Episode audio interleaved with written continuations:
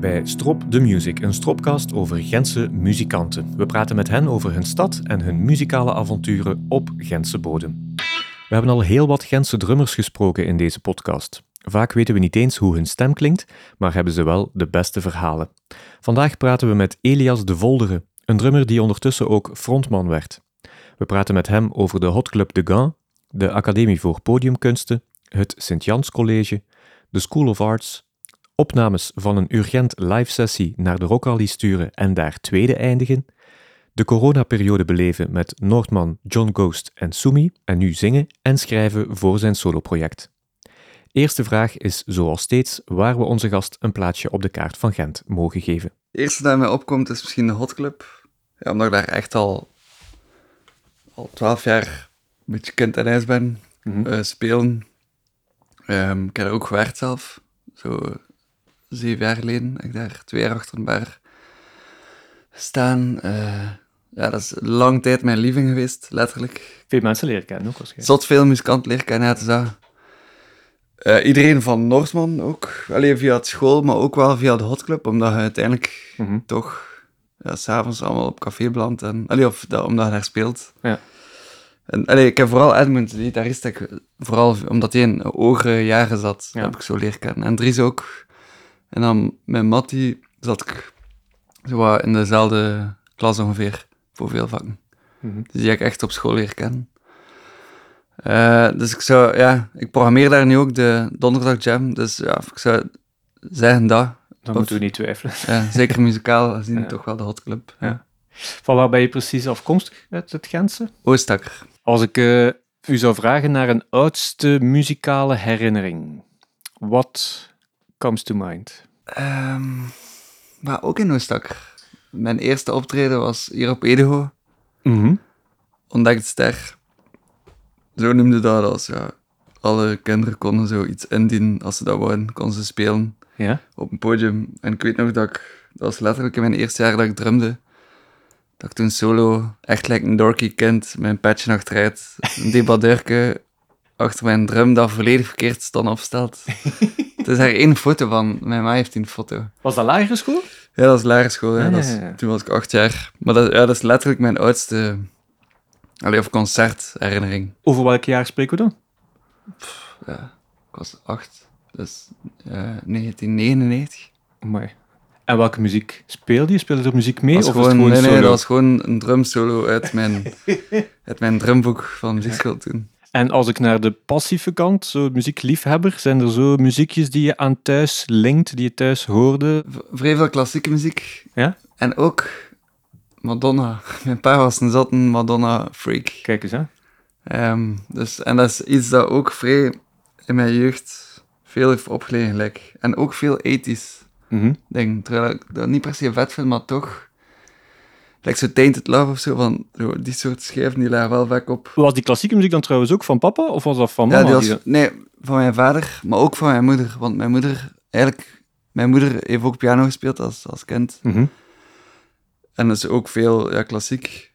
Eh, maar het was ook ja, vooral van mijn pa. Allee, die, die collectie was vooral van hem. Mhm. Allee, of ja, allemaal van hen beiden. Hoe komen die drums dan in het verhaal? Ik, ik was als kind hees en ik logopedie. En ik weet nog dat terwijl dat ik moest kiezen, dus eerst ik een jaar noodleer. Mhm. En dan moest ik kiezen, en omdat, omdat dat zo Hans ding was met mijn stem, ik weet niet waarom, want achteraf gezien denk ik dat dat echt geen, ja, niets had uit, zou uitgemaakt hebben, maar vroegen wij aan die logopedisten van, wat moet hij kiezen? Eh, en die zei van, ja, ik zou geen blazerinstrumenten doen. Mhm. Maar ja, ik denk echt dat dat uiteindelijk niet uitmaakt. Maar dan had ik het de hele tijd op gitaar en drum, en dan dacht ik toen letterlijk, ja, maar gitaar, dat naar mijn vingers, dus ik ga drum. En op zo, ja, daardoor is dat een beetje gekomen. Eigenlijk een banale, Beslissing. ja. Op dat moment is er geen voorbeeld of drumstyle in huis of, of in, in, in de nee, picture? er was of- wel iets bij mijn neef. Er was wel zo een speelgoed drumstelke bij mijn neef. Ja. Dat pl- plastiek was. Ik weet wel nog dat ik dat iets zot vond. En Ja. dat ik ook thuis kwam en dat ik dat dan zo wat had nagemaakt met zo'n emmer en een zeemvel. Ja. Dus dat is ook wel zo... Misschien dat er toch onbewuste voorkeur was. Allee, ik had Ja, dat wel een keer gezien en ik dacht, oké, dat is wel iets zot of zo, een drum. Ja, ja, ja. Oké. Ja. Je sprak daar al van, van eh, drumles, van uw boek waar dat je je solo uit gaat spelen. Dus er, er mag les gevolgd worden, er moet les gevolgd worden. er mag. Ik ben niet ervan overtuigd dat dat moet. Ik denk wel dat er, dat, dat een sneller, Mhm. snellere manier is om, om effectief iets te bereiken. Maar ik denk ook dat dat voor heel veel mensen niet zou werken. Ja. En dat voor andere mensen dat dat wel... Dus ik heb nooit... Ik ga nooit iemand niet serieus nemen als muzikant als ik hoor dat hij niet heeft gestudeerd of zelf Ja. geen muziekschool heeft gedaan. Want Ja. er worden waanzinnig veel vette dingen gemaakt door mensen die helemaal niet geschoold zijn, zo gezegd. Wat zijn zelf jouw herinneringen aan, aan die muziekschool? Eh, goed, maar ja, muziek is altijd, ehm, dat is letterlijk vanaf dat ik dat deed, is dat alles geweest. Ja. Alle, alle dagen in vakantie sprak ik af met maten om wat te jam. Uh-huh. Al van, ook al van kinds af aan had ik maar één doel en dat was, ik ging muzikant worden en ik, ik wou bands hebben. En Wow. Dat, dat zijn allemaal goede herinneringen. En ook, ook de muziekschool, dat voor mij, oké, noodleer dat was even een zure appel, denk ik Mhm. bij iedereen. Maar zelf dat, achteraf, als ik daar naar terugkijk, wel een heel strenge lerares, die nu trouwens mijn collega is ook, want ik geef les op diezelfde muziekschool. Maar nu, als ik daar naar terugkijk, denk ik wel van, jij werd wel een goede lerares eigenlijk. Ik herinner mij jou daar op die muziekschool. Eh, en ik zag jou letterlijk in dan zo goed als elk ensemble of elke soort muziek. Was jij gewoon first call? Ja, Elias Ja. gaat dat doen, we gaan dat wel aan Elias vragen. Elias komt dat Ja. met veel plezier doen. Ja, grappig. Zei jij op niks nee? Of wou je dat allemaal in die voedingsbodem? Wou je dat allemaal leren? Ik heb waanzinnig veel ja gezegd op alles. Dat was ook iets van mijn eerste leraar op het conservatorium. Dat was iets dat hij zei toen van Dienand. En die zei van, je moet in het begin op alles ja zeggen. Ja. En zo leerde ook kennen wat je eigenlijk niet meer wilt doen. Ja. Ik vond eigenlijk wel... Of ja, op dat moment vond ik dat een goede raad. en Ik heb dat eigenlijk wel ter harte genomen. Ja. Ehm, maar ik heb ook wel te lang ja gezegd op dingen. Ik heb ook wel lang dingen gedaan dat ik eigenlijk al wist van, dat is eigenlijk niet wat ik wil doen. Mhm. En nu ben ik eigenlijk op een punt dat alles wat ik doe, dat, dat is wat ik echt wil doen. Ja, ja, ja. Je had het er net over, eh, de vakanties, alles gevuld met muziek. Ja. Vind je vrienden op school of, of eh, muziekschool waar je graag dan na de uren muziek mee maakt? Eh, ja, alhoewel dat...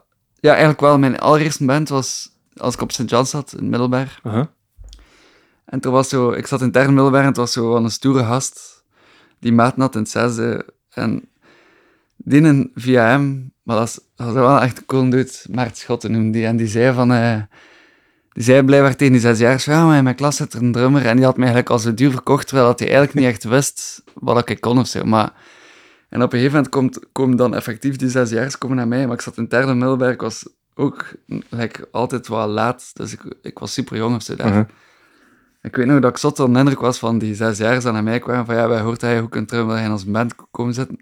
En mijn maat, een andere maat, zei toen ja, hij wil dat doen, maar hij vraagt wel geld. En ik zei van haast, zeker, zeker stil met, kan hier misschien in een band zitten. En dat was dan mijn eerste band. Welke band is dat dan? Wat muziek is dat Ja, dan? dat was My Alpha Female, dat was funk. Terwijl ik toen helemaal geen funk wou maken, maar Dus je had daar dan ook, voor vier jaar zat je goed qua reputatie op Sint-Jans ook, als je met die zesdes... Maar ja, dat weet ik eigenlijk niet, want Nee? ik dacht altijd dat muziek spelen cool was. En ik dacht ook dat de meisjes dat vet vonden, maar soms vraag ik mij dat af. In hoeverre dat zo is. Dus Ja. denk ik vooral dat ik dat mega vet vond, dat ik in een band zat. En dan nog ook met oudere gasten. Toch wel een goede voedingsbodem ook daar, hè, Sint-Jans? Veel, Ja, ja, zot veel muzikanten. Ja, hè? Ja, ja. Nele de Gussem, Lander Gijslink. ja. Ja, Simon Seers, ja maar Lieve van P, Zot, Niels Vermeulen, Simon Raman, jazzdrummer ook. top. Dus ik weet niet of dat echt daar stimuleert. Ik denk dat het eerder een beetje toeval is van... Gelijkgezinden. Ja, We zitten dan denk ik aan het cruciaal moment. We hebben het over de lagere school al gehad, secundaire school al gehad. Je mag dan die keuze gaan maken. Maar je hebt het daar al gezegd. Ja. Het is evident, het moet Ja, ja. en zal muziek zijn. ja, ja, want ik wou eigenlijk al in het middelbaar naar de kunstenmajoren. Mhm. Maar toen zeiden mijn ouders van, maak gewoon even je humajor af. Ja. En uh, alleen daarna doe je echt wat je wilt. Lagen er andere dingen op tafel? Nee. Of... Ja, architectuur. Ja? Maar dat was, een, dat was zo rond het tweede middelbaar dat ik twijfelde. Allee, of dat was ook iets dat, dat ik gepassioneerd was. Ja. En nog altijd of zo. Allee, als ik op reis ga, ik kijk nog altijd de hele tijd naar gebouwen. Of ik ga vaak uh, ja, gebouwen van zotte architecten gaan, Mhm. gaan bezoeken of zo. Of, Het is mooi dat het ook een combinatie van techniek en creativiteit is, natuurlijk.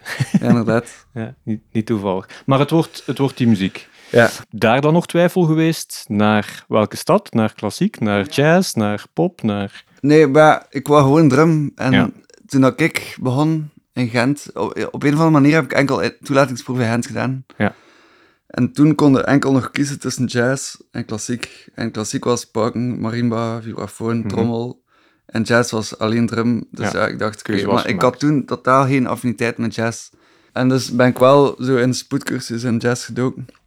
Dat was ik erdoor. Wat is voor jou de, de grootste, de belangrijkste meerwaarde geweest van dat conservatorium, als je daar nu naar terugkijkt?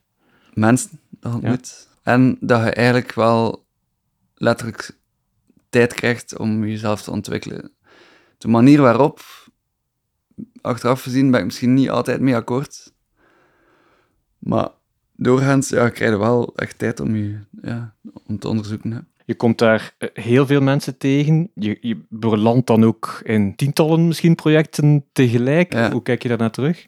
Ah, dat is een beetje het ding van eh, zoveel mogelijk ja zeggen in het begin. Noordman is vrij vroeg gevormd, toen zat ik in het derde, middel, eh, derde conservatorium.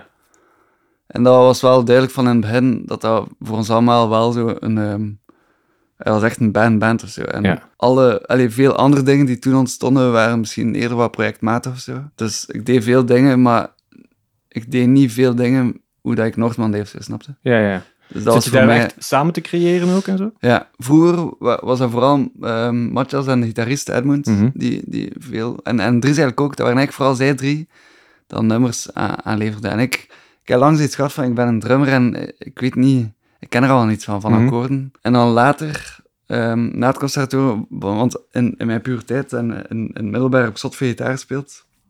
En na het conservatorium kwam dat terug en Ja, ja. het moment dat ik terug die gitaar vastnam en zo weer die naïeve ma- manier van muziek Ja. begon te, ey, opnieuw te ontdekken, ben ik ook beginnen schrijven en had ik door van ja, maar moet eigenlijk niets van akkoorden kunnen, het Ja. je gehoor. Eh, Je gaat gewoon daarmee aan de slag. En, en sindsdien ben ik ook eh, nummers beginnen schrijven, Noordman. Het is geen evidente muziek die jullie met Noordman gaan maken. Ehm, is dat dan ook moeilijk, bijvoorbeeld in die eerste jaren, om, om daarmee buiten te komen? Of, of vindt dat al snel zijn weg? Hoe, hoe is dat zo een beetje gelopen in het begin? In het begin waren wij gewoon ehm, ja, eigenlijk een beetje een, een eh, klassiek jazzorkest. Hè. Allee, Ja. eh, ging orkest, een kwartet. Ja. Als, in, als gewoon bas, drum, gitaar, sax. En die, de, de nummers dat wij toen speelden waren ook eerder zo wat jazzy Ja. georiënteerde composities of zo. En dan, ik weet nog, we hebben een keer een uur handsessie gedaan. En toen hadden wij zo een paar demo's. Alleen nee, hadden wij gewoon wat nummers gespeeld, ook jazzcomposities, maar sommige rockten gelijk al meer. Ja. En dan hebben wij die opnames eigenlijk ingezonden voor de Humus Rock Rally, een beetje als joke, van ja, dat gaat Ja, toch niets ja. worden. En dan was hij in één keer, ah ja, oké, hij zit erdoor, dus inderdaad, half finale, finale, tweede plaats. En sindsdien zijn we eigenlijk een beetje, waar we ook blij voor waren, eh, in- meer in dat pop en rock Ja. circuit En los eh, van jazz. Ja. Maar zo nooit meer ergens verkeerd geboekt terechtgekomen? Dat je Ja, toch wel. Ik ben een keer een show gespeeld in Parijs, ooit in een kelder, dat echt een jazzclub was. En mega vet dat we daar mochten, de Sunset, wat dat wel een bekende jazzclub is, denk ik. Maar Ja. toen hadden we wel alle vier zoiets van, ja, de muziek dat wij spelen, dat past hier gewoon niet. Bij eh, bijvoorbeeld het verhaal van Sumi lees ik dan dat daar het corona-debacle dan toch wel wat eh, goed in het eten heeft gegooid. Ja, Ehm, eh, misschien even naar die periode terugkijken, want het was eigenlijk ook volop in, in, in gans jouw rise van veel projecten ook waar je in zat. Vertel daar eens over. Voor bands als John Ghost. Hypo Christmas Tree Fuzz en Sumi inderdaad, dat zijn drie bands waarin ik speel. Ik wil gewoon die groepsnamen zelf niet eigenlijk want Ah, het ja. is verschrikkelijk moeilijk om ze allemaal uit te spreken. Zalig. Die drie bands hadden eigenlijk een album klaar. En dat ging uitkomen. En gelijk bij, zeker John Ghost had toen echt een tour, ook eh, vooral België-Nederland, maar het stond daar echt een paar chique Mhm. festivals en, en chique plekken in. En dat is allemaal in, in het water gevallen. En nog niet de helft is daarvan eh recovered geweest. Alleen van... Ik weet nog dat toen North Sea Jazz op de Wow. planning stond. Rewire stond toen ook op de planning. Dus voor John Ghost was dat echt een bomber to the max gewoon, dat dat, dat kwam. We hebben Christmas Tree Fest was de tweede plaat, ging herleased worden. We gingen in Sint Jacobskerk toen dat releasen, ook met een film en zo. En Ja. ja. dat is ook in het water. We hebben uiteindelijk drie keer gespeeld met die plaat. Dat, is. Sumi, ja, dat ging geen fysieke plaat zijn. Dus dat is gans, eigenlijk is Sumi daar nog goed uitgekomen. We hebben dat heel snel omgezet in een stream. En dan hebben we die in de zomer toch het jazz kunnen doen, zo de kleine editie. Dus we hebben wel veel kleine dingen toen gedaan. En is het daar een verschil dat Noordman zich al een beetje Ontplooit dat al, al aan het groeien was, al een naam was, of niet? Maar met Noordman hebben we eigenlijk toen chance gehad, omdat wij toen net in de studio waren geweest, in januari. En wij werkten samen met, voor In Velvet, de, de- de derde plaat, wij werkten samen met Jasper Makelberg. En die had dat geproduceerd, maar die kon dat niet meer mixen. Dus die had dat uitbesteed aan, aan zijn assistent, omdat hij zelf op solo-tour vertrok. Ja. Maar omdat corona dan hitte, Was er wel tijd. was hij een tour weggevallen en Ja. heeft Jasper alsnog Hansi plaat kunnen finaliseren. Ja, dus daar heb je een plusje. Mijn, Noord, mijn Noordmannen heeft dat iets goed teweeggebracht. Maar dan hadden wij wel een Hansen Tour in het najaar. Ja. En letterlijk twee dagen voor onze release in de Hansbeers, hop, deur weer dicht, opnieuw lockdown. En dan is dat ja, ook een Hansen Tour in het water is gevallen. Maar die tour is wel volledig integraal verzet kunnen worden naar... eh, En merk je nu dat dat bij Noordman nog sporen eh, nalaat, dat corona-verhaal? Of, of is het makkelijker om met Noordman daarvan te recupereren? Dan met die projecten die toen eh, helemaal nieuw moesten staan. Ja, het is wel makkelijker, omdat we, zeker met die derde plaat, me- merkten we plots van, oké, we, hebben, we hebben wel al iets achieved met die band of zo. Ja. Als wij, ik weet nog, ik had dat vooral als, als we in de Roma speelden. Allee, wij spelen nooit voor veel volk. Hè. Mhm. In Gent spelen we voor, voor een, een 700 man of zo in de Ja. Maar als wij buiten Gent gaan, allee, wij verkopen nipt een AB-club uit, maar dat is 250 man. Ja. Maar dat is altijd in de laatste dagen dat dat gebeurt. En in Roma stond er 350 man. Mhm. En ik weet nog dat, dat ik toen aan het spelen was en dat ik dacht- dacht van, shit, vet. Ja. We zijn niet thuis aan het spelen en mega cool dat er hier 350 man is. Mhm.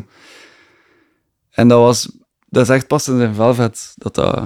Dus ik denk overal, want we hebben ook heel veel problemen gehad, ondanks die corona. Mhm. Allee, ik denk alle bands, alle muzikanten, alle, alle mensen te koer. Ehm, maar Noordman is daar wel nog savai te komen, achteraf gekeken. We hebben één Pukkels popshow gemist. Dus dat is eigenlijk misschien de grootste schade Ja. voor ons in corona geweest. Dat we een spot op Pukkelpop niet meer hem kunnen opnieuw verzilveren. Ja. Voor we naar eh, jouw solo-project nu gaan, wil ik toch tussentijds met, hè, met al die groepsnamen, en ik ga ze niet uitspreken, ik ga ze Ja. niet proberen uit te spreken, noem daar toch eens een, een memorabel optreden op Gentse bodem. Maakt niet uit met, met welk project, maar nog niet solo. Jij zit achter de drums. Onder andere met Hypo Christmas Tree Fuzz in de Chinastraat. Wie heeft de godsnaam die groepsnaam uitgevonden? Ja, ook? Oorspronkelijk Micha Mengelberg. Maar het is natuurlijk Ramses zijn band, Ramses van Nede. ja. En ik weet, ik denk dat Ramses die wou gewoon... Hij wou de langste naam op dat fiche, denk ik. Oké, is gewonnen. En de moeilijkste... Allee, Ja, is gewonnen. Maar je zat bij een optreden. Ja. Chinastraat, ehm om drie uur s'nachts denk ik dat we pas zijn beginnen spelen, terwijl we, of misschien zelfs nog later, terwijl we al moesten bezig zijn. maar dat is gewoon, ja, ja in, die, in die witte ruimte zo. Ja. Super dark. Ja, Hypo live is altijd alleen maar wit licht, Mhm. TL-lampjes en strobo, dus dat is, Intens. ja, dat, was intens, maar ja, dat, ja, dat is vet. Ja, dat is- Ja. Maar eigenlijk onlangs ook, op trefpunt met Noordman, vond ik ook vrij vet. Ja. Ook weer omdat er waanzinnig veel volk stond. Mhm. En oké, dan speelde wel thuis. Ja. En verwachtte ergens wel, maar toch, dat was echt veel volk. Allee, De ene helft van de, van de Gentse muzikanten die we spreken, die zeggen van dat is nooit goed. Dat is nooit een goede show voor eigen volk. En de andere zegt dat is hoogtepunt. Wat, wat is bij jou vaak? het is sowieso moeilijk, want je verwacht vrij veel van, Ja, ja. van een thuismatch. Ik herinner mij ook dat eigenlijk, al mijn ha handelsbeursconcerten, wat er ondertussen wel al veel zijn, ik heb daar nog nooit... Er zijn altijd waanzinnig vette ervaringen in way, maar als ik objectief dan zo terugkijk, denk ik van, ik heb daar nog nooit echt een killerconcert gespeeld. Alleen dat ik van mezelf Zo ervaar. Ja, of dat ik tevreden was of zo. Ja, ja, ja, En dat, is misschien ook op mijzelf gericht misschien. Maar vaak de beste concerten gebeuren zelf op café of zo. Of, allee. Like onlangs met Sumi ook. eh, de eerste avond van Hens Feesten. Ja, ik vond dat een supercool concert, omdat je zit met niet zot veel volk en Mhm. je zit dicht bij mensen. En, ja. Moet niet altijd uh, pukkelpop zijn. nee, en, nee, zeker niet. Want Pukkelpop is super vet. Mhm. Maar dat is ook een flash. Allee, de keer dat ik daar heb gespeeld, dat waren die concerten vlammen voorbij. Ja. Omdat je, je kijkt daar zo naar uit. En ja, dat is, eh, dat is echt zot. Maar ook vet. Voor het soort muziek dat je speelt, lijkt het me niet altijd evident, zo'n groot podium. Maar je noemt daar zoiets, het vliegt voorbij. Ik, ik zie dan eh, bands met jou op, eh, op dat soort festivals letterlijk vier nummers of zo spelen. Ja, Dus- En, en dat is het dan. Of zo? Ja, dat, zo. dat- dat de setlist ook te kort is. Het- ja maar sowieso festivalsets zijn maar rond de 40 minuten. Hè. Ja.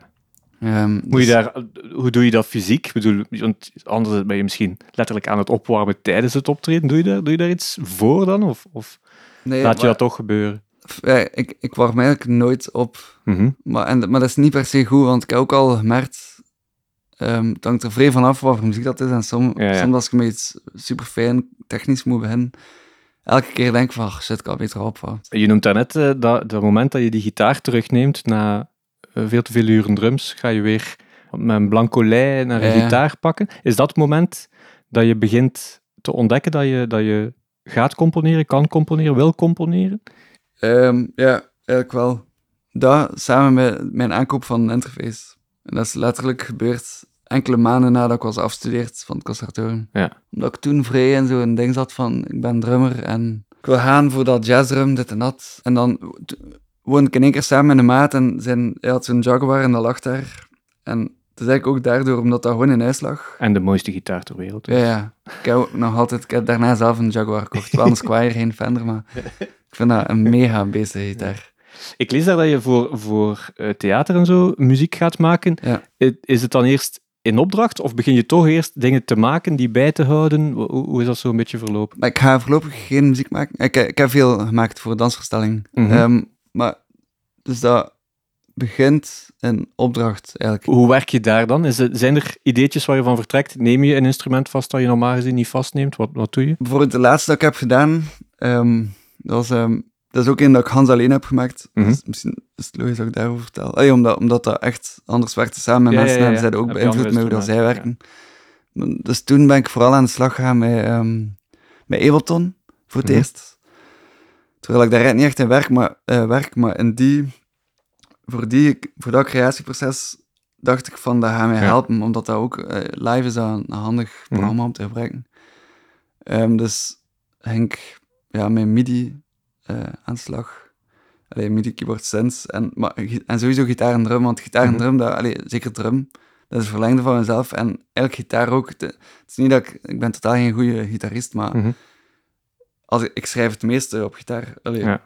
Nu nog altijd, al mijn, al mijn platen zijn altijd vertrokken van gitaarideeën of zo. En, Is het door die projecten te mogen doen dat je een, een vonkje voelt van ik ga zelf Zeker. onder eigen naam? Ja, zeker, want je schrijft dan sowieso veel meer dan dan nodig is. Ja. En ook los daarvan, allee, daarnaast schreef ik ook al voor Noordman mee.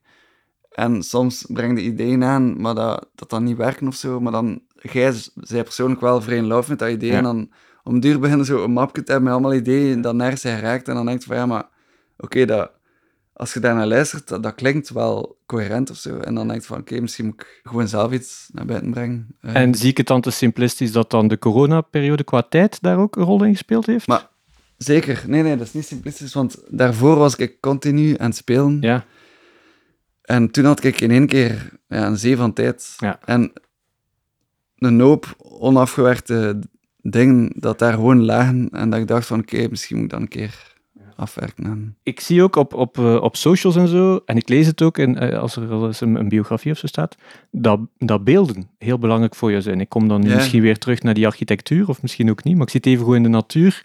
Eh, Is, dat, is dat een rode draad ook bij jou? Ehm, nee, maar ik, ik ben... Ik, ja, ik ben zot sowieso geïntrigeerd door films, door foto's, Ja. door schilderijen. Mhm. Dat is ook omdat als kind... ehm, ook weer hetzelfde als wij op, op reis gingen. ehm, wij hebben nooit een chillreis gedaan, nooit. Dat is altijd kerstjes bezoeken, altijd musea bezoeken. Ja. En ik weet nog één reis zelf, dat, dat wij, wij hadden vrienden in, in Spanje en dat was dan met die familie. Mhm. En dat was de chillste reis ooit. Dat was alleen maar zwemmen in zee. En die, die, die mensen die sliepen, die deden lange siestas, die aten om drie uur, die aten om tien uur s'avonds. En mijn Ja. pa, die waren zot. Die kon daar niet mee om. En ik weet nog dat mijn, dat mijn zus en ik en mijn ma, dat wij dachten van, deze is de chillste vakantie ooit, weet je. Maar dus alles daarvoor, wij gingen naar Toscane, en al die plekken waar, dat, waar het geschiedenis is, waar het de kunstgeschiedenis is, Mhm. en dat. Dus wij, wij hebben dat wel echt mee gehad. Ehm, en dat ook, alleen mijn zus ook, mijn zus is een textielontwerpster. Ja. Dus die is ook heel tijd bezig met beelden en met... En bij mij is dat dan... Ik, ik, ehm, dat is niet van ik wil daar iets mee doen, Mhm. maar ik ben er wel mee bezig. Like als ik op reis ga, of Het is onbewust een deel van jou. Ja, het is zeker een deel van mij. En dat is deels door mijn vader ook. Ehm, achteraf ben ik mijn ouders alleen maar dankbaar Ja, dat ja. ze dat hebben gedaan met ons. Ik zeg niet dat ik daar niet ooit iets wil mee... Ja. Maar ik vind wijs dat dat nu... Want muziek voor mij is iets serieus en ik, dat is ook mijn job. Ja. In een way. En, allee, in way, nee, dat is gewoon mijn job. Punt. En ik vind wijs dat dat niet is bij foto's. Dat daar niet zoiets zwaar aan hangt, dat dat heel licht is. Ja, ja, ja. En ik neem mijzelf ook niet serieus als eh, bijvoorbeeld van... Gelijk mijn vrienden, mijn vrienden lachen eigenlijk continu met mij, omdat wij dan op stap zijn en dan stop Dan ik stop en je, dan doe ik zot lang. Maar doe ik heel... Mijn vriendin lacht met het feit dat ik alles donker maak met mijn iPhone. Ja. Dat is zei van, maar eigenlijk, ze zien niet. mijn maat, eh, Ramses, die lacht mij heel de tijd omdat hij zegt van, ja, eigenlijk is weer een foto aan het nemen van iets dat hij waarschijnlijk nooit meer gaat terug naar kijken. Ja. En dat is wel waar. Ik, ik- heel veel van die dingen... Er zijn eigenlijk maar heel weinigen die dan een keer op mijn Instagram belanden. En Ja. dat is ook niet bedoeld als... Ik ben bezig met foto's of zo. Allee, dus... We hebben die beelden, we hebben inspiratie, we hebben instrumenten eh, die erbij komen, een keer de gitaar vastnemen. Eh, ben je daaraan begonnen met, met een afge, afgeleid beeld van het gaat zoiets worden? Of heb je dat laten gebeuren? Ik ben er niet bewust aan begonnen, maar ik ben wel vrij beïnvloed door een referentiekader. Iets te zelf, denk ik. Dat heel nauw eh, verbonden is met wat ik check. Iedereen zegt altijd van het is very Radiohead. En dat... Ja, ik ga ook niet onder stoelen of bank steken. Dat is een band dat ik waanzinnig vet vind. En alles wat die gasten daar rond doen. Mhm. Ik heb dat zot veel gecheckt en alles te koer, dat is koude muziek. En ik merk dat alle muziek dat ik check, dat dat allemaal koud is. Ehm, James Blake, Lucretia Dalt, eh Kali Malone, alles van Tom York of zo. Ehm, Het mag stiekem dat worden? Dus dan Nee, nee, met dat idee mag van, dat niet worden, de- want mag dat niet ik worden? denk dat vooral mijn EP zat heel hard in, die, in, dat, in dat vaarwater. En dat, ik was me daar ergens bewust van. Mhm. En ook zo'n ding van, dat is, oké, dat is nu en dat, dat gaat ooit weg. Ja, ja. Ik ga gaandeweg mijn Ja, ding wel vinden. En die EP was ook voor mij eerder, dat moest bijten, omdat dat dingen waren dat aan mijn been hingen. En ik dacht dat ik ergens wel wijs vond Mhm. en in love mee was en ik wou dat ergens delen. Maar dat is ook veel meer een stap om verder te kunnen gaan dan... Want op, op dat moment was die EP al vijf jaar uit. Allee, sommige nummers waren al vijf jaar uit. En het is niet dat ik toen zo nog iets had van, dat is echt waarvoor dat ik nu sta. Of zo. Ik Mhm. was al veel verder natuurlijk. Maar natuurlijk, als je muziek maakt en release, dat duurt allemaal... Ja. Dat duurt allemaal lang. En zeker in, omdat dat mijn eerste wapenfeit was onder mijn eigen naam, duurde Ja. dat nog extra lang of zo. Omdat Ja. ik van aard een mega twijfelaar ben. En ja, ik wist wel heel goed wat ik niet wou. of Zo. En, Ja, wat al ehm, helpt. Ja, en, dat, en zo maakte dat muziek ook, hè. Mhm. Van, je werkt met bepaalde klanken en texturen en... en En je stem. ja. dat Voilà. lijkt mij ook een enorme grens die je over Ja, moet. ja, zeker, zeker. Het heeft lang geduurd tegen dat ik die apprecieerde. Ja. En zelf nog altijd, soms ook denk dat ik denk van, pff, dude. En ik denk dat veel mensen dat hebben. En ik denk ook dat veel mensen hebben van, jij bent niet echt een zanger. En ook daar denk ik van, maar, ja, maar geef mij even. Het is toch geen optie geweest om, om daar iemand anders bij te zetten? Je zegt van, het, het wordt een Nee. project en ik laat Ah, wel. dat iemand zingen dan of zo. In het begin, op, want ik heb even productie ook gedaan op het conservatorium. Ah, oké. En ik weet nog dat ik toen ook eh, mijn EP, sommige nummers, dat waren opdrachten toen. En ik weet nog dat de leraars toen zeiden van ja, maar je stem, je moet dat uitbesteden. Want eh ja, basically je poelt dat niet. En allee, zijn, zijn vet muzikant en focus je daarop en Ja. wijs ding, maar Schoenmaker. ja, besteed dat. Ja, voilà, blijf bij je leest. En wij zeiden ze dat wel. En ik weet nog dat ik toen dacht van ja, maar ik snap het, maar geef mij gewoon even. Ja, tuurlijk. En ehm, op dit moment, ik, ben, ik zie mezelf nog altijd niet als een killerzanger, bij lange niet. En, ehm, maar ik weet wel dat ik in de afgelopen twee jaar waanzinnig veel ben gegroeid. Mhm. Zowel live als zelf in de studio, als ik opneem. Ja. Dat ik heel veel meer eh, al weet wat aan mijn stem kan, of bepaalde texturen dat ik heb ontdekt. Dat, allee, nog altijd, allee, weer, ik ben daar nog niet. Als ik nu terug Ja. al naar, naar mijn debuutplaat luister, Bloomed Exploded, dan nog... Allee, die muziek is letterlijk een jaar geleden afgewerkt, in augustus. Mhm. Toen was mixer aan het mixen. Maar dat is, de- die is nog maar, dat is nog maar een half jaar uit. En onlangs heb ik, die nog, heb ik dat nog een keer gecheckt. En toen had ik al zoiets van...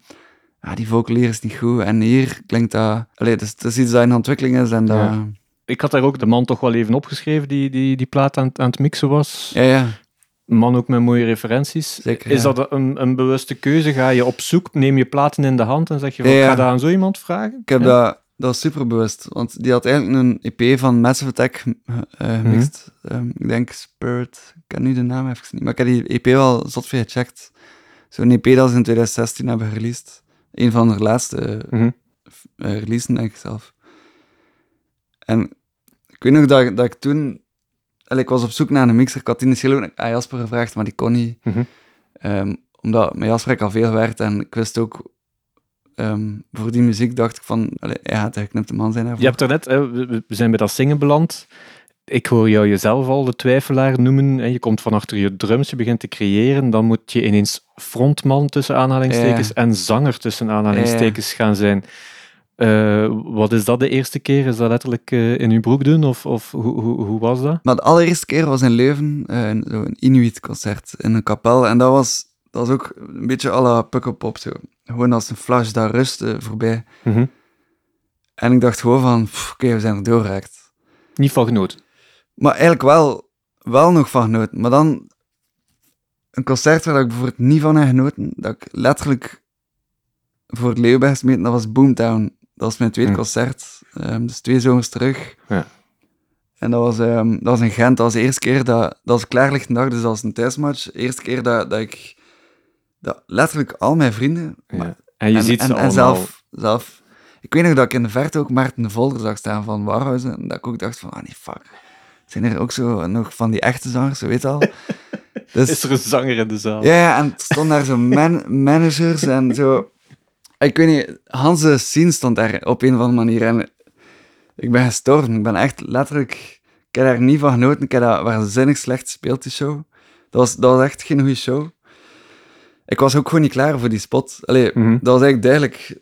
Ik vond dat mega cool dat ik dat mocht doen.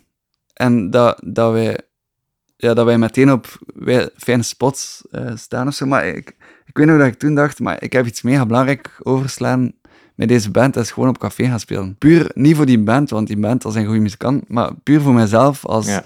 ja. ondertussen speel ik 24 jaar drum. En ja, ik heb gewoon heel de tijd zitten groeien. En ik ben, ja, ik ben ook ooit begonnen in jeugdhuizen en Ja. cafeetjes en dit en dat en dat. En al- altijd maar grote podia. Maar als zanger ben ik in één keer begonnen op die grote podia. Ja. Terwijl, dat, ja, ik, kon, ik had letterlijk, dat was mijn tweede show dat ik ooit voor een publiek zong. En dat is gewoon iets anders dan thuis in een micro zingen of zo. En Staan er dan te veel mensen, ik zal er maar de machine achter, achter jou en achter je project noemen, staan die dat te pushen van? Nee, niet per se, want allee, ja, ik had natuurlijk wel meteen een boeker met dat project en Mhm. ik had een label en dat, dat is natuurlijk ook iets goed, omdat je, ja, je hebt natuurlijk al veel ervaring met andere bands, dus je weet ook van, je hebt die mensen nodig. Ja, ja, je wilt niet muziek releasen zonder een label, Mhm. want je wilt dat zoveel mogelijk mensen dat bereikt. Ja.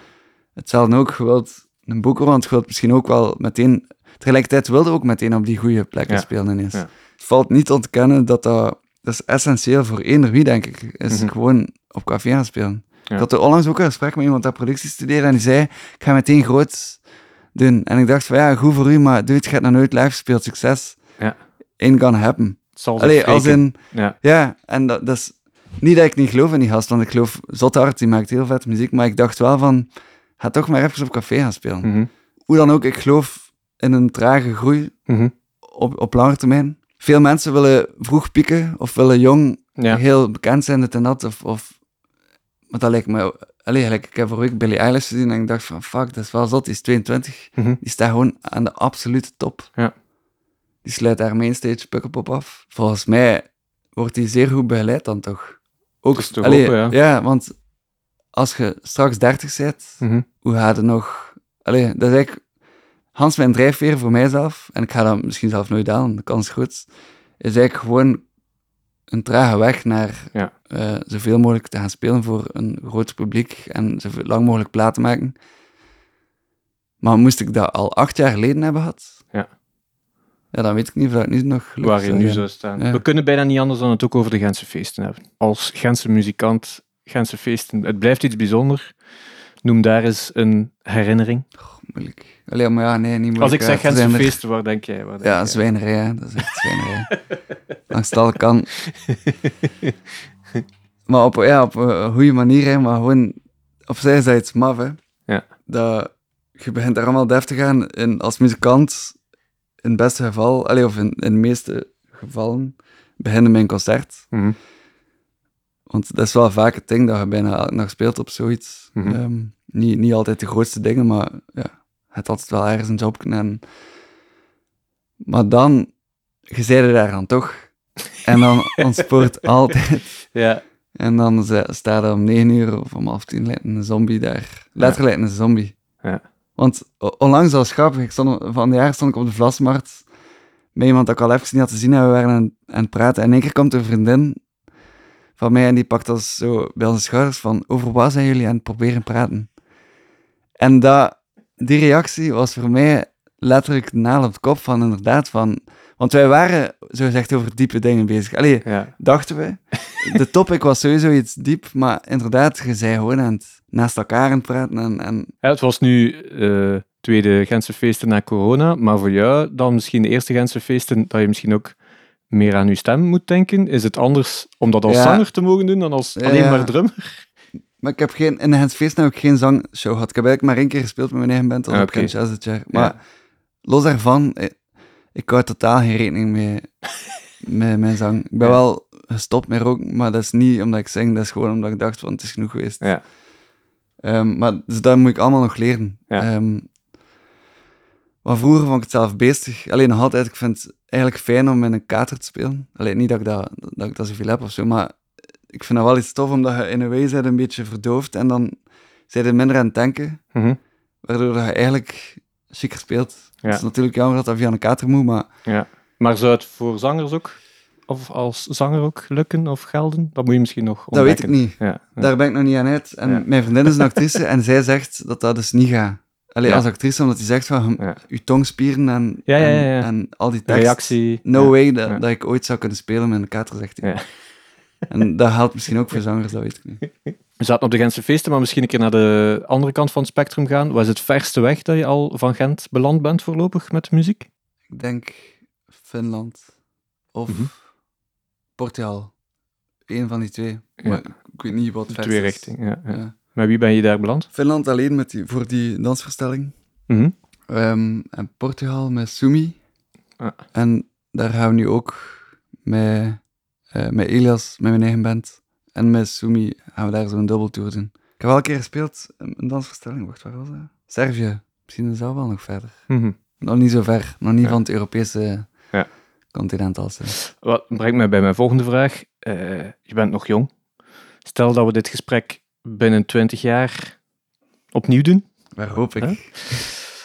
Wat mag er gepasseerd zijn? Ja. Wat, mag er, eh, wat mag er tegen dan op het lijstje staan? Maar ik heb zo een, een stoem doel en dat is een beetje hol eigenlijk. Maar ik wil ooit echt zo'n tourbus tourem. Mhm. Allee, ik heb al veel tourtjes gehad met een tourvenneke, maar echt zo'n een, een dikke bus. En gewoon elke dag zalen spelen à la naar B. Ja. En ik weet dat dat een beetje een hol... allee, dat is een... Nee, nee. niet per se een waardevol Het, doel het lijkt zo, want- maar het is voor jou het totaalpakket van de tour. Met de Ja. zalen en het soort zalen en het soort infrastructuur neem ik aan. Niet alleen de bus. Ja, voilà. Ja, ja. Allee, want allee, ik zeg het, ik, ik speel wel af en toe sporadisch in van die zalen. Ja. Maar om dat gewoon, om zo'n keer een maand weg te zijn, ik zou dat, ja, ik zou, daar leef ik voor. Ja. Eh, Ook, ik leef echt op als ik met een band op tour ben. Ook al zijn dat vaak nu maar geconcentreerde tours van vier dagen of zo. Mhm. Dat is, allee, voor mij is dat waarom dat ik tour of zo ook deels. En dat je voor mensen kunt spelen en die energie dat, je, dat er op dat moment ontstaat op podium, in de zaal, daarna mensen dat ontmoet. Ehm, je komt op wijze plekken, ook al kun je vaak de stad niet zien. Maar je, je komt Ja. wel... Allee, moest ik dat niet hebben, dan... dan ik zou er niet gelukkig zijn.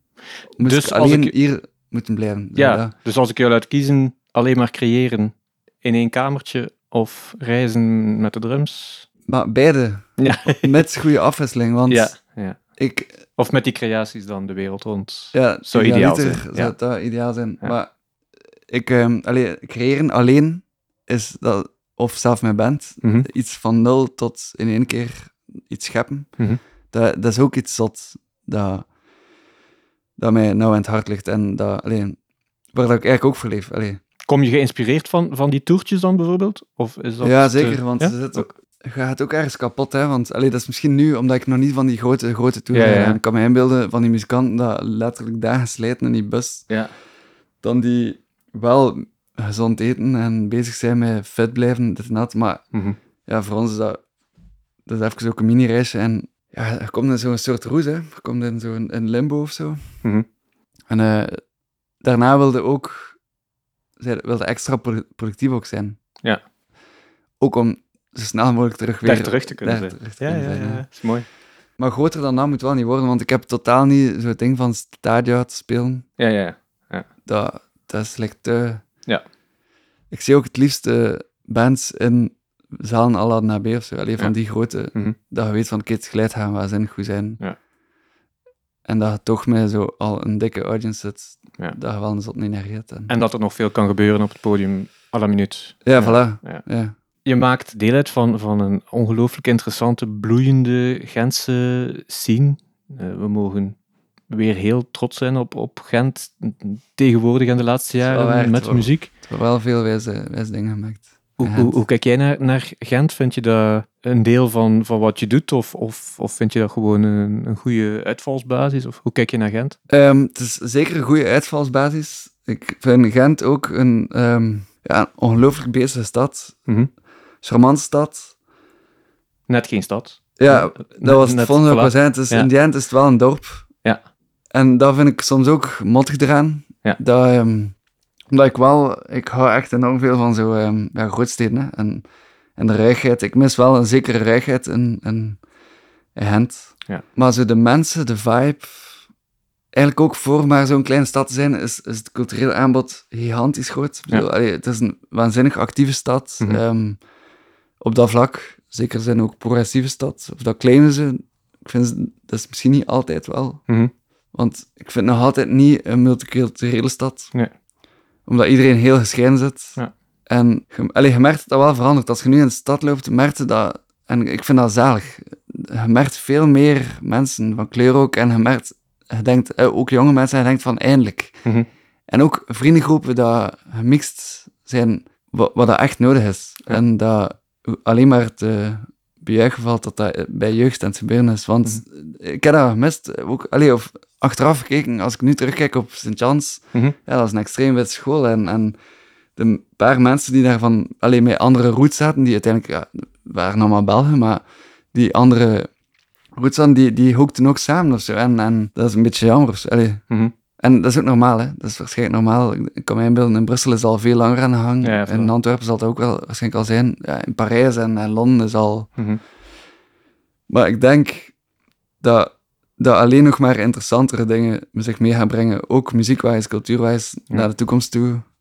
Gaan er alleen maar... Het gaat nog zotter worden waarschijnlijk, Gent. Stel dat jij op, eh ehm, het is niet ministerie, maar het kabinet van, van de schepen van cultuur in Gent belandt en je krijgt daar een dag eh, carte blanche en, eh, en een budget. Wat, wat zou een van de eerste dingen zijn? Ik zou tijd besteden aan iemand anders. nee, nee. Eh, wat zou een van de eerste dingen zijn? Goeie vraag. Wat, wat, wat heb je zelf al tegengekomen dat je mist in, in het proces nu van de, de projecten waar je in gezeten hebt, de bands zelf? Misschien ook wel dat. Maar er zijn ook wel zalen die daar genoeg initiatieven nemen. Vooruit, allez, 404, die doen dat wel van die interculturele Ja, ehm, Samenwerking. ja, samenwerking, zelf met Ja. Centraal of zo. Dus het is Ja. niet dat dat niet aan het gebeuren is. Ik denk, zeker de dag van vandaag, mensen zijn er veel bewuster rond. En dat is, dat is zeer goed dat Mhm. dat zo is. Het is eigenlijk een goede vraag, want ik zou niet per se weten wat ik zou doen. Mhm. Ik heb er eigenlijk zelf ook nog niet over nagedacht om zelf misschien zo'n keer een project op te stellen. Ja. Want ik ben eigenlijk ook vooral ook gewoon bezig met mijn bands hier, met muzikanten die ik ken. Maar je krijgt stilaan een gezicht, een naam en zal u misschien heel snel eens gevraagd worden.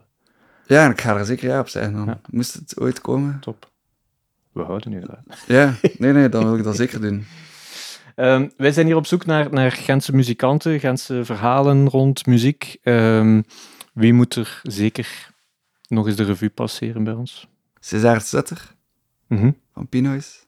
César Sutter Pinois. Of zijn broer Gilles van Café Pinois. Dat zijn voor mij... Alleen maar het zijn er veel, hè. Maar namen dat ook al ken natuurlijk. Ja, Matthias Kraan is natuurlijk ook een zot stem in Gent. En um, uh, ja, Ramses van Deen is ook... Dat zijn allemaal vrienden ook natuurlijk, maar dat zijn allemaal mensen dat, dat ik ook... Allee, Mhm. dat ik wel vind van, die zijn met interessante dingen bezig. Allee, of interessante dingen. Persoonlijk vind ik, die heel, vind ik dat heel vet wat die doen. of Zo. Ja. Maar interessant is altijd zo'n dubbel woord. Allee, en er zijn ook sowieso waanzinnig veel dingen dat ik niet ken in Gent. Mhm. Dat ik, like, al is het maar de DJ scene of zo. Ik ben totaal Ja. niet thuis in de, in de elektronica scene in Gent. Allee, ja, buiten de Wallen Brothers natuurlijk. En Mhm. Hans het uh, Dewey-label en Asamoto. En allee, gans die familie ken ik. Ja. Allee, of weet ik wat die muziek is en wat dat staat maar andere dingen... Dus er is nog heel veel onontgonnen gebied voor mij op dat vlak. Maar, maar om even terug te komen op César en Ja, wat, Eh, wat, wat was de trigger om die namen eerst Ah, omdat te noemen? ik vind, allee, dat zijn ook eh, ja, een van mijn beste maten op dit moment, maar los daarvan, ehm, al van hem begin dat ik Pinoy zag, of Mhm. daar iets van hoorde, dacht ik van, maar dat, dat, is, iets, dat is iets anders of zo. Van, Ja. Dat heb ik nog niet gehoord. En Ja. oké, later leerde die dan kennen en je, je ziet ook naar wat voor muziek dat die luistert en dan begin je meer en meer te snappen van waar dat dingen komen, maar dan Mhm. nog, die twee hebben echt zo'n unieke sound, die hebben echt iets gevonden Ja. dat echt van, van hun is of zo. En dat- is iets... Allee, zo zijn er niet zot veel mensen. Het is niet evident meer ook in 2023. Nee, nee, Ja. inderdaad. En, allee, dus dat vind ik sowieso... Allee, zeker César, allee, wat die allemaal ook solo maakt en zo, dat is, dat is muzikant. Elias de Volderen, dank u wel. Graag gedaan, merci hè. Dit was Strop the Music. Dankjewel om te luisteren. Wil je ons steunen? Deel deze aflevering of deze podcast dan met vrienden. Wil je ons een bericht sturen of volgen? Dan kan dat op Facebook en Instagram.